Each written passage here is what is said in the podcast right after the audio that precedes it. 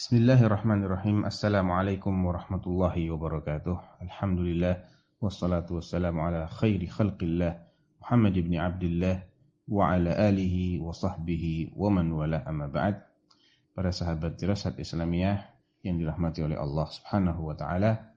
Ini adalah bagian kedua dari syarah Masail Al-Jahiliyah yang ditulis oleh Syekh Muhammad bin Abdul Wahab rahimahullahu taala memasuki masalah yang pertama di antara masalah-masalah jahiliyah atau tradisi maupun ajaran-ajaran jahiliyah yang menjadi inti perselisihan antara Nabi Shallallahu Alaihi Wasallam dengan orang-orang jahiliyah, baik dari kalangan ahlul kitab maupun orang-orang yang penyembah berhala. Masalah yang pertama adalah doaul aulia wassalihin. Kebiasaan mereka yang menyebut-nyebut para wali dan orang-orang soleh dalam doa-doa mereka. Syekh rahimahullah mengatakan al-mas'alatul ula innahum yata'abbaduna bi isyraqis salihin fi du'aillahi wa ibadatihi. Mereka orang-orang jahiliyah ini punya kebiasaan ketika mereka mengabdikan diri mereka atau mereka beribadah maka mereka menyertakan orang-orang saleh dalam doa mereka kepada Allah dan dalam ibadah mereka kepada Allah mereka mengikut sertakan atau menyekutukan Allah Subhanahu wa taala dengan orang-orang saleh ini dengan cara mengharapkan dari orang-orang saleh tersebut supaya mereka bisa memberikan syafaat nanti di sisi Allah. Yuriduna syafa'atahum indallah lidhannihim annallaha yuhibbu dzalik. Dan ini semua dibangun atas dasar asumsi atau dugaan mereka bahwasanya Allah Subhanahu wa taala mencintai atau menyukai perbuatan mereka tersebut, yakni perbuatan menjadikan orang-orang soleh sebagai wasilah, menjadikan para wali sebagai perantara dalam meminta syafaat kepada Allah Subhanahu wa taala atau dalam mendekatkan diri mereka kepada Allah Subhanahu wa taala. Jadi asumsi mereka adalah Allah menyukai apabila dalam beribadah itu, dalam berdoa itu ada orang-orang soleh yang diikut sertakan. Ada para wali yang dijadikan sebagai perantara. Wa anna salihina yuhibbunahu. Asumsi kedua yang menjadi latar belakang mengapa mereka punya kebiasaan seperti itu adalah karena mereka juga mengira bahwasanya orang-orang soleh itu senang diperlakukan demikian. Sebagaimana difirmankan oleh Allah Subhanahu wa taala terkait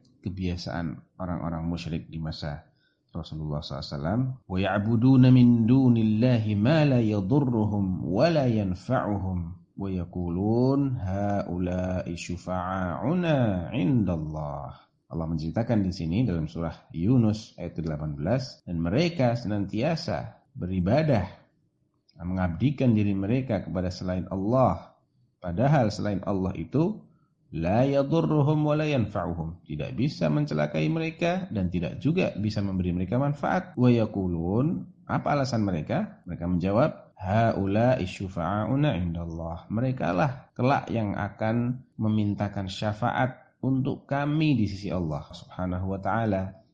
Jadi itulah asumsi mereka itulah alasan mereka mengapa mereka sering mengikut sertakan orang-orang saleh dalam ibadah mereka atau dalam doa-doa mereka dalam ayat yang lain surat Az-Zumar ayat ketiga Allah berfirman walladzina takhadhu min dunihi awliya ma na'buduhum illa liyuqarribuna ila Allahi zulfa.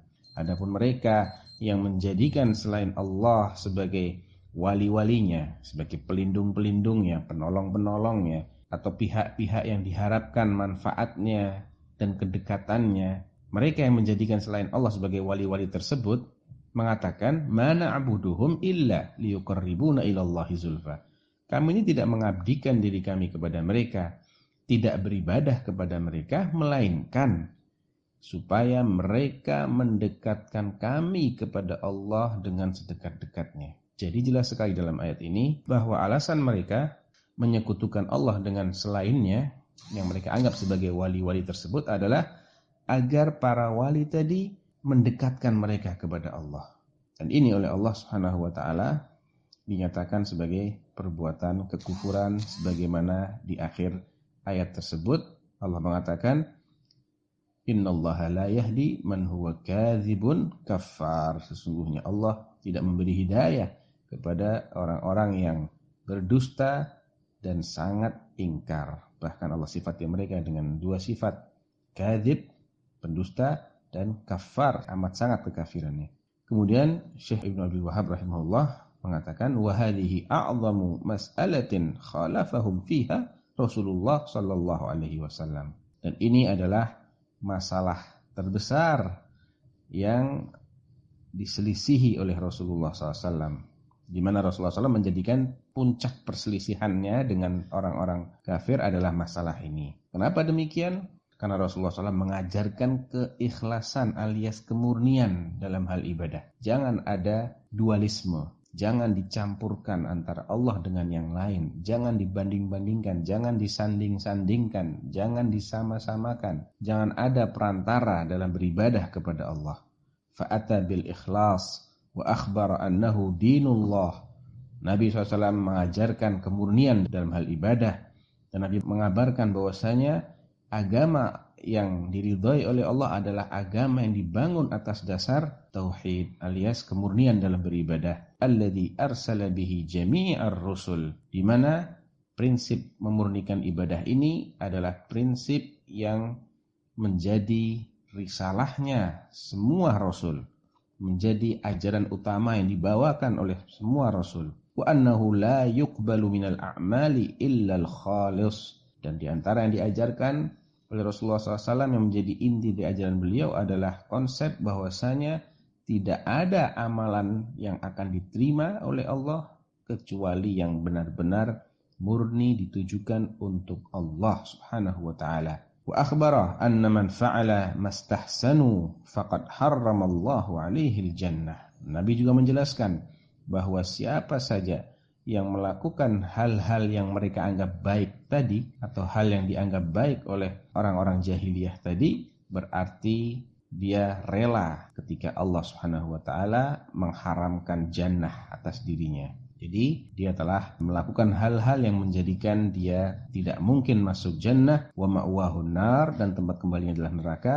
Wa hadhihi hiyal mas'alah allati tafarraqan nasu min ajliha baina mu'minin wa kafir. Dan inilah masalah yang menjadi pemisah antara mukmin dengan kafir. Jadi tolak ukur neraca untuk menghukumi seseorang sebagai mukminkah dia atau sebagai kafirkah dia adalah masalah ini yakni bagaimana cara dia beribadah. Apakah beribadah atas dasar tauhid dan kemurnian ataukah beribadah dengan mengikut sertakan selain Allah Subhanahu wa taala di dalamnya wa indaha waqa'atil adawah dan masalah inilah yang menjadi tolak ukur terjadinya permusuhan antara dua golongan golongan mukmin dengan golongan kafir.